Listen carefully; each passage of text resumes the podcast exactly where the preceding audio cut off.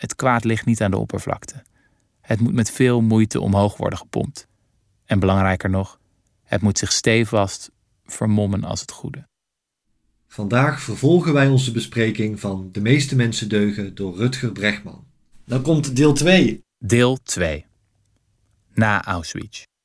Dat deel 2 dat begint zelfs wel vaker eh, Ja. met een citaat. Het is een citaat van Anne Frank. Het is een wonder dat ik mijn idealen niet heb verlaten. Ze lijken zo absurd en onpraktisch. Toch klamp ik me eraan vast, omdat ik nog steeds geloof, ondanks alles, dat mensen echt goed zijn in hun hart. Anne Frank. Ik moet zeggen dat ik dat vond getuigen van slechte smaak Ja. van Brechtman. Dat hij hier Anne Frank als getuige opvoert ten gunste van de, de goede kern van de mens. En want we moeten bedenken, wanneer heeft Anne Frank dit opgeschreven? Toen zij ondergedoken zat in het achterhuis. Hm. Waar zij tijdelijk met haar familie en een andere familie een veilig heenkomen had gevonden. eh, omdat goede mensen hen daar hielpen en hen van Hm. eten voorzagen. Er was toen nog hoop. Ja. Dit is natuurlijk niet de eindconclusie van Anne Frank. Ja. En wat is er daarna gebeurd? Zij is heel verdrietig aan haar einde gekomen. Al die mensen uit het achterhuis zijn opgepakt. Eh, op eh, de vader van Anne Frank na zijn ze allemaal overleden. Ja. Anne Frank en haar eh, zus die zijn terechtgekomen uiteindelijk in Bergen-Belsen. Hm. Eh, dus recentelijk is een nieuw boek verschenen waarin beschreven wordt hoe die laatste levensfase van Anne Frank geweest is. Haar oudere zus is drie dagen eerder dan zij Ja. overleden. En zij was zelf toen ook al, al ziek aan, aan tyfus, dacht ik. En heeft de laatste dagen alleen maar zitten huilen. Mm. En eh, zij heeft natuurlijk toen de enorme desillusie beleefd. Dat uiteindelijk het kwaad Mhm. hier eh, won ten opzichte van haar familie Ja. en de andere naaste mensen. Dus het, ik vind het zeer onkies van Brechtman dat hij Anne Frank hier wil gebruiken om nog eens een keer wat glad te strijken van de kwalijke kanten van de mens. Ja. En ik heb me daar erg aan gestoord. In dit deel gaat Brechtman een hele handige beweging maken van de Holocaust zelf naar experimenten die later zijn uitgevoerd, in de jaren 60 met name, om de vraag te beantwoorden hoe de Holocaust heeft kunnen gebeuren. Daar gaat het deel eigenlijk over, niet over de Holocaust. Ja, Het eerste experiment dat hij dan gaat behandelen is het Stanford Prison Experiment. Hoofdstuk 7. In de kelder van de Stanford Universiteit. er was één professor, Zimbardo, die Ja. heeft eh, een groep van 24 studenten, het was overigens in 1971, iets na, Hmm. de, na de 60 jaren. Eh, maar die heeft 24 studenten door loting verdeeld in een groep van 12 bewakers en 12 gevangenen.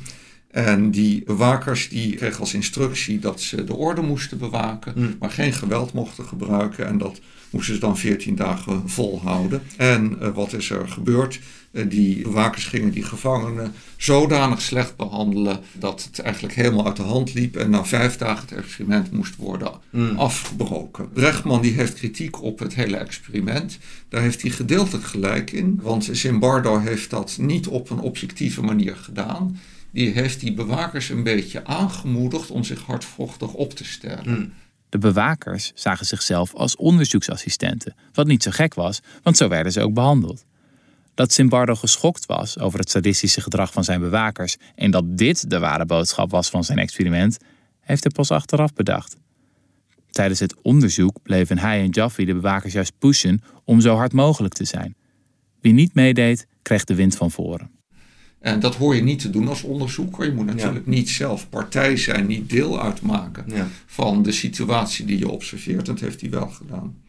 Eh, toch vind ik niet dat daarmee het hele experiment van eh, Stanford Prison, dat dat daarmee onderuit is gehaald of dat het helemaal waardeloos is geworden. We zien wel degelijk wat er gebeurt in een situatie waar een groep in tweeën wordt verdeeld en hoe snel wij-zij denken kan ontstaan. Bovendien is het zo dat in werkelijke gevangenissituaties het natuurlijk ook vaak zo is dat er een initiator is die mensen aanmoedigt om zich hardvochtig of gemeen op te stellen.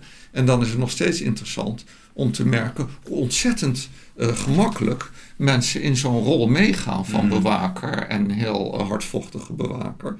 Dat wordt bewezen door uh, werkelijk bestaande situaties. Bijvoorbeeld in Irak. Ze hebben Amerikaanse bewakers zich in de Abu Ghraib gevangenis heel erg akelig opgesteld. Die zijn gevangenen daar op een manier gaan vernederen wat echt helemaal niet kan.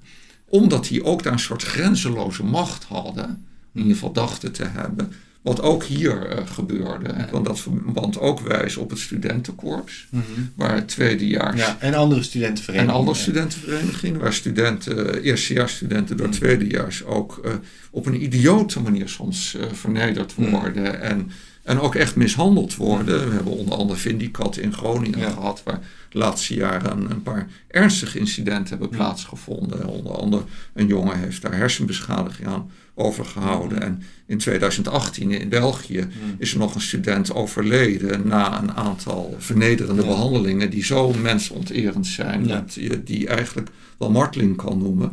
Dus zover kunnen ja, eigenlijk vrij normale leden van onze maatschappij gaan wanneer ze in zo'n situatie terechtkomen. Dat ze denken dat zij de macht over anderen hebben. Dus het Stanford Prison Experiment is niet iets wat door Brechtman nu helemaal buiten de orde gesteld is. Ja. Hoofdstuk 8 Stanley Milgram en de schokmachine. Het schokexperiment van Stanley Milgram kan Brechtman niet helemaal onderuit halen. Zegt hij zelf. Ja. Dit is een experiment waarbij mensen werden aangemoedigd door een man in een witte jas om schokken toe te dienen aan een andere vrijwilliger, die eigenlijk een acteur was. En die schokken werden steeds heviger. En op een gegeven moment leek het echt levensgevaarlijk te worden. Of leek zelfs de andere vrijwilliger te overlijden. Ja, in werkelijkheid en, was het natuurlijk zo dat die andere persoon die helemaal niet echt die schokken ja, kreeg. Die schokken werden maar de, de vrijwilliger die dacht dat die schokken toediende. Ja. Die, die dacht ook echt dat hij op een gegeven moment iemand anders schokken van 450 volt aan het toedienen was. En die ander die was op een gegeven moment ook aan het roepen bij 300 volt. Laat me hier uit, ik heb hartproblemen, dit is gevaarlijk. Let me out of here. My heart's bothering me. Let me out, I tell you. Let me out of here. Let me out of here. You have no right to hold me here. The next phrase is let fast. Me let me out. Let me out. Let me out of here. Let me Bird, out. Let me car, out. train, plane.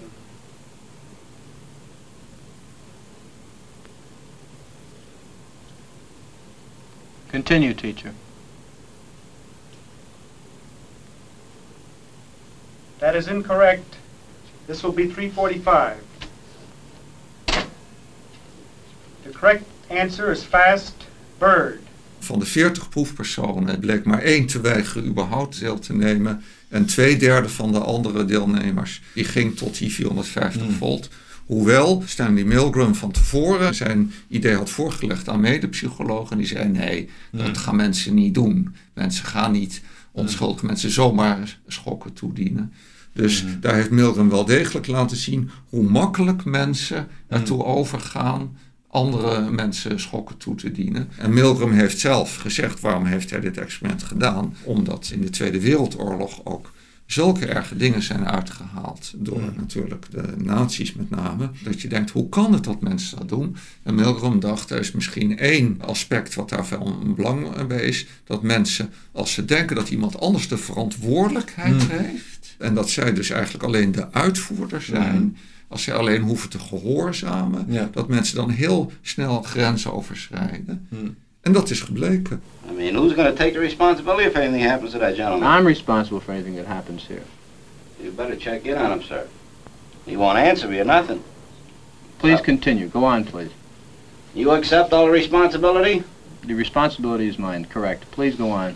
Rechtman die beweert van, ja oké, ze hebben het dan wel gedaan, maar pas als je ze heel erg op ze inpraat Ja. en, en heel erg manipuleert, Wie zich niet aan het script hield, werd dan ook onder druk gezet. Zware druk. De man in de grijze jas, die Milgram had ingehuurd, de biologieleraar John Williams, probeerde sommige mensen acht, negen keer zo ver te krijgen om door te gaan. Een 46-jarige vrouw kreeg slaande ruzie met hem en deed de schokmachine uit. Williams deed hem weer aan en eiste dat ze doorging. Gina Perry schrijft: Als je luistert naar de opnames, zou je zomaar kunnen denken dat het een onderzoek was naar pesten en dwang, in plaats van gehoorzaamheid. Maar het is een verkeerde weergave van Bregman. Want ook als je het filmmateriaal eh, bekijkt daarvan, dan zie je dat de man in de witte jas eigenlijk alleen af en toe zegt: Continue, teacher. Needle, you're to get a shock. 180 volts.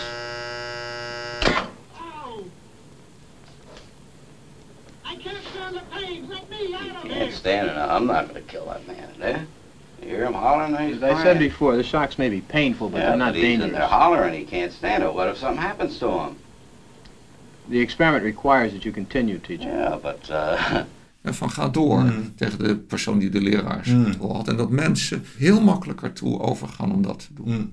Brechtman schrijft zelf dat de man in de grijze jas niets anders deed dan vier zinnetjes uitspreken tegen vrijwilligers die weigerden. In oplopende dominantie. En alleen het vierde zinnetje was echt een bevel. U moet doorgaan. En Brechtman schrijft ook dat iedereen die eenmaal dat vierde zinnetje te horen kreeg, stopte. Dus ten eerste zou ik niet zeggen dat er sprake was van heel zware druk. En ten tweede, de zwaarste vorm van druk werkte juist niet. Eh, aansluitend op wat jij net zegt, wil ik even dit stukje van Brechtman citeren. Dit is zijn conclusie. Hè, als blijkt dat hij het eh, Mm. experiment niet onderuit kan halen. Ja. Oftewel, als je hard genoeg aan mensen trekt, als je ze bewerkt en boetseert, verleidt en manipuleert, dan zijn velen van ons tot het kwaad in staat. De weg naar de hel is geplaveid met goede bedoelingen.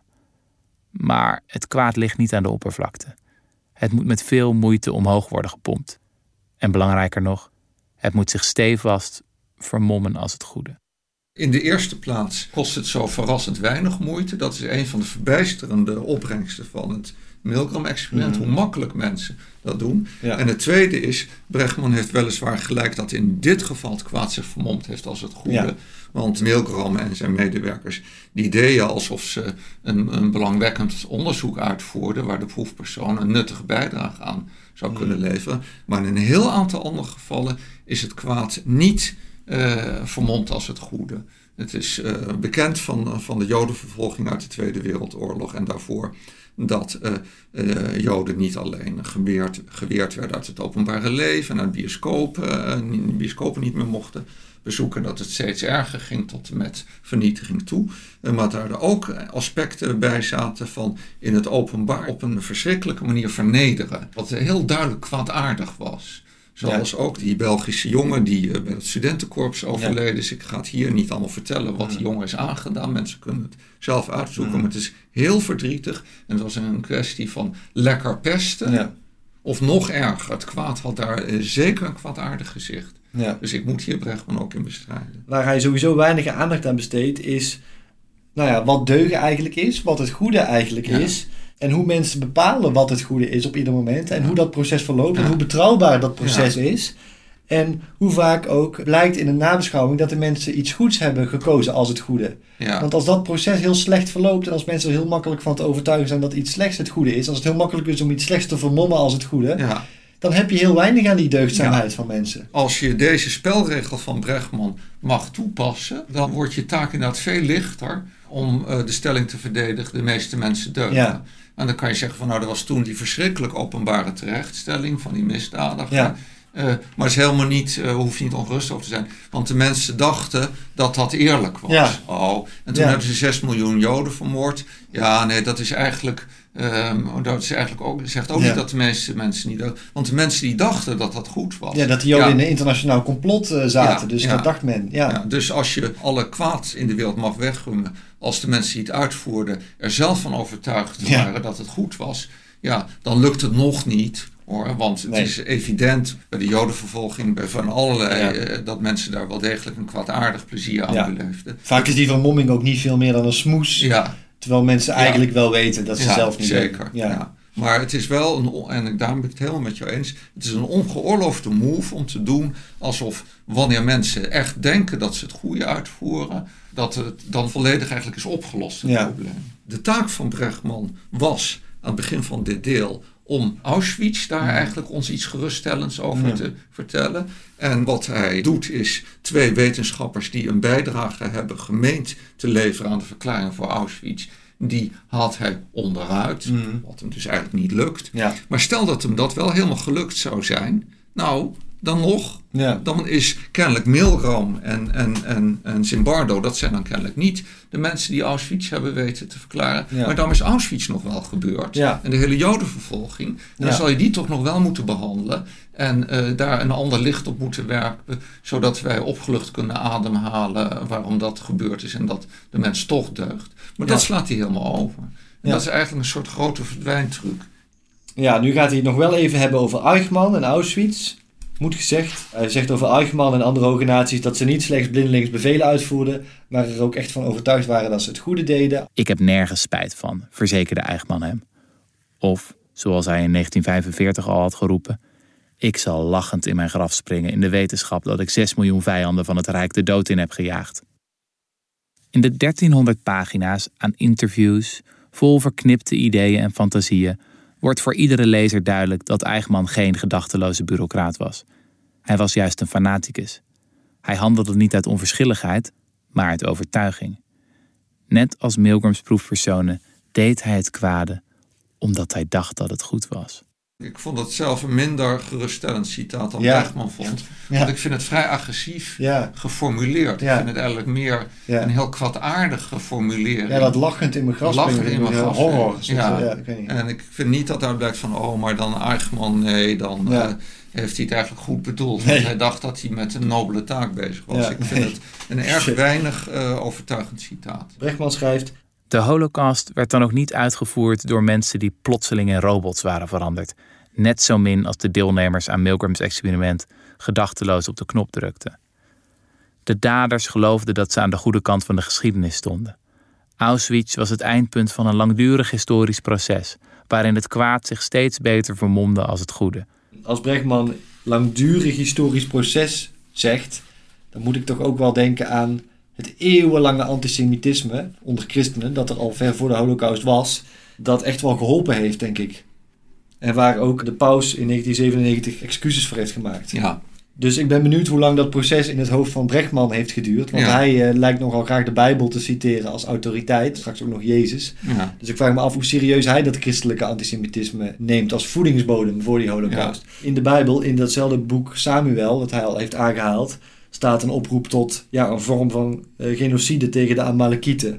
Trek daarom op tegen de Amalekieten en versla ze, wijd al hun bezittingen onvoorwaardelijk aan de Heer. Spaar ze niet, maar dood alles en iedereen, mannen en vrouwen, kinderen en zuigelingen, runderen en schapen, kamelen en ezels. Dat is God die dit ja. wil. Dus ik denk dat het historisch proces langduriger is dan Ja. Ons- Ik denk dat hij gewoon bedoelt sinds Hitler aan de macht kwam of zo. Ik denk dat hij wel misschien iets langer bedoelt. Hij heeft het over een Hmm. langdurig historisch proces. Maar wat Brechtman hier in de zin daarna zegt. Schrijvers en dichters, filosofen en politici bleven jarenlang de psyche van het Duitse volk afstompen en vergiftigen. De homo puppy werd voorgelogen en geïndoctrineerd, gehersenspoeld en gemanipuleerd. Pas toen gebeurde het ondenkbare. Dat is nogal een beschuldiging. Ja. Hij specificeert helemaal niet nader.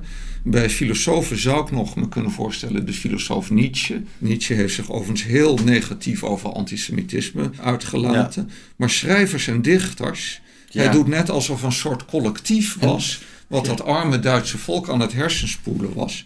Ik wil toch wel even aan herinneren dat de beroemde Duitse schrijver en Nobelprijswinnaar van de literatuur Thomas Mann, Ja. dat hij was uitgeweken naar Amerika, Ja. net als zijn broer schrijver Heinrich Mann Ja. en Bertolt Brecht. En dat Stefan Zweig naar Zuid-Amerika is gegaan. En Tucholsky was ook een vijand van de nazi's. En zo zijn er nog meer. En de componist eh, Kurt Weill, die zat ook in Amerika. En de componist eh, Schoenberg. En Einstein ook trouwens. Die is natuurlijk ook al lang weg uit eh. Duitsland. Dus het is wel, denk ik, een ongeoorloofde versimpeling. Als je doet alsof de Duitse cultuurdragers dat arme Duitse volk nu aan het manipuleren waren, aan het afstompen, vergiftigen. Het Duitse volk had ook zeer vooraanstaande vertegenwoordigers die stelling namen tegen de nazi's. ja. En ook stoort het me wel dat hij hier een opsomming geeft van vier beroepsgroepen eigenlijk. En de eerste twee zijn kunstenaars. Ja, Of tenminste, ja, Ja. schrijvers niet alleen maar kunstenaars, Ja. maar dichters wel. ja, En dan filosofen en dan als laatste pas politici. ja, Wel vreemd, want hij heeft verder helemaal geen hoge pet op van politici. Dus nee. misschien per ongeluk, maar ik vind het toch en- raar er staan. En, en wie zijn dan die andere filosofen? ja, wie zijn dat allemaal geweest dan? Eh, de Oostenrijker Wittgenstein, die zat in Engeland. En, eh, En ik wil er ook even op wijzen dat die homo puppy werd voorgelogen door die mensen. Maar die mensen waren ook homo puppy.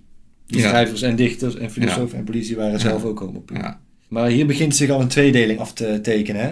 De meeste mensen deugen, de meeste mensen zijn homo puppy. Ja. Maar er is toch een groep. ja, We benoemen hem niet heel duidelijk, maar het wordt, wel, het wordt zo wel duidelijker. Maar die, die 1% ja, die niet deugt. ja, En wie zijn dat? Nou, dan benoemt hij nog dat de holocaust grotendeels faalde in Denemarken door Deens verzet. Ja, ik wil daar graag één opmerking Ja. over maken, want ik ben hier Brechtman dankbaar voor. Hmm. eh, omdat ik zelf lesgeef in in kritisch denken aan de Haagse Hogeschool. En ik hier een passage gebruik als voorbeeld van een cirkelredenering. Ja, Namelijk dat je iets helemaal niet verklaart, eh, maar dat je hetgeen wat je moet verklaren stiekem in de argumentatie stopt. Hmm. En dat is wat Brechtman hier doet. Eh, wat hij hier zegt is, Maar uiteindelijk springt één verklaring eruit. Het antwoord, zo schrijft de historicus Bo Liedegaard, is onweerlegbaar. De Deense Joden werden beschermd door de consequente solidariteit van hun landgenoten.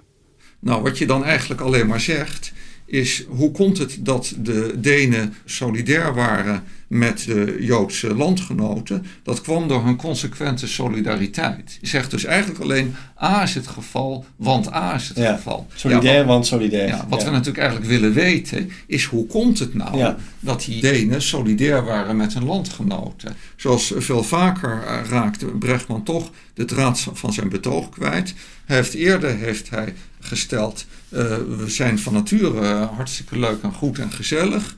Eh, Ja. Wanneer is dat misgegaan? 10.000 jaar geleden. Toen gingen we ophouden met jagen en verzamelen. Gingen we landbouw bedrijven. Werd bezit uitgevonden. Werd het ook ons aangepraat. En toen ging het allemaal mis. Dan ben je eigenlijk al klaar. Maar ondanks dat wringt Brechtman zich in en de rest van het boek voortdurend in bochten om allerlei kwaad uit latere periodes weg te masseren. We hielden niet van schieten, ehm, die eh, experimenten eh, van, van Milgram en Zimbardo die kloppen niet, et cetera, et cetera. Maar dat hoeft hij eigenlijk niet te doen als zijn hoofdgedachte juist is. Was het ook een nog korter boek geweest? Dan was het een korte boek Ja. geweest. Ja, hij had al kunnen stoppen. Hoofdstuk 9. De dood van Catherine Susan Genovese. Dat is een hele beruchte moord. Die vrouw werd vermoord op een soort binnenplaatsje waar heel veel mensen op uitkeken. Het bericht daarna was dat al die mensen hadden gekeken en niet de politie hadden gebeld. Dat bleek later wel anders te zitten. De buren waren niet zo onverschillig als beschreven in de verhalen. De politie werd wel gebeld, maar kwam niet opdagen. Een buurman durfde de politie niet te bellen omdat hij homo was en de politie toen nog wel eens homo's in elkaar sloeg. Dus die politieagenten die deugden niet 100%, maar die werden misschien door de commissarissen gedwongen om om homo's in elkaar te slaan, de machthebbers. De- de- Stop. Eh, de- deze Ja. laatste twee dingen vind ik niet zo eh, verheugend over de mens. Maar Ja, goed, ja, eh, dat, daar moeten we allemaal dus blij van Ja. worden van Brechtman. Dit is vrolijk, dit is goed nieuws. Ja, nee, nee, dan Slecht de- nieuws is goed nieuws. Ja. Journalisten deden verkeerd en tendentieus verslag van het voorval. En de moordenaar werd later gepakt dankzij omstanders, eh, omdat hij ergens probeerde in te breken. En dan zegt Brechtman, Dit is het echte verhaal van Kitty Genovese. Het zou niet alleen in de lesboeken van eerstejaars psychologiestudenten moeten staan, maar ook in die van jonge journalisten. Het leert ons namelijk twee dingen. Eén, hoe verwrongen ons mensbeeld vaak is en hoe sensatiebeluste journalisten daarop inspelen.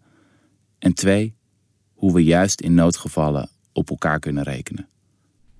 Ja, ze is ondertussen wel vermoord, die mevrouw. Ja. En ik wil daar eigenlijk voor Ja. de rest weinig woorden aan vuil maken. Behalve dat ik nog even wil onderstrepen dat dit hoofdstuk het derde hoofdstuk is van het deel van het boek dat na Auschwitz heet. ja, En op wat voor manier de dood van deze mevrouw Auschwitz kan gladstrijken, dat is mijn raadsel. ja, het enige wat ik echt uit dit hoofdstuk haal, dat ik zinvol vind, is eh, de theorie over het omstanderseffect en het omgekeerde omstanderseffect. Als omstanders elkaar niet kunnen zien en niet kunnen communiceren, dan kan er een effect optreden waarbij iedereen denkt iemand anders zal al wel iets aan het doen zijn. Mhm. En daardoor doet niemand iets. Mhm. Bij het omgekeerde omstanderseffect, als de omstanders elkaar wel kunnen zien en wel kunnen praten, Mhm. dan kan er juist ineens heel goed samengewerkt worden. Mhm. Dat is iets wat, wat ik eruit haalde waarvan ik dacht, oh, oké, dus dat omstanderseffect is niet in alle gevallen zo schadelijk. Hangt ook van de situatie Ja. af. Ja.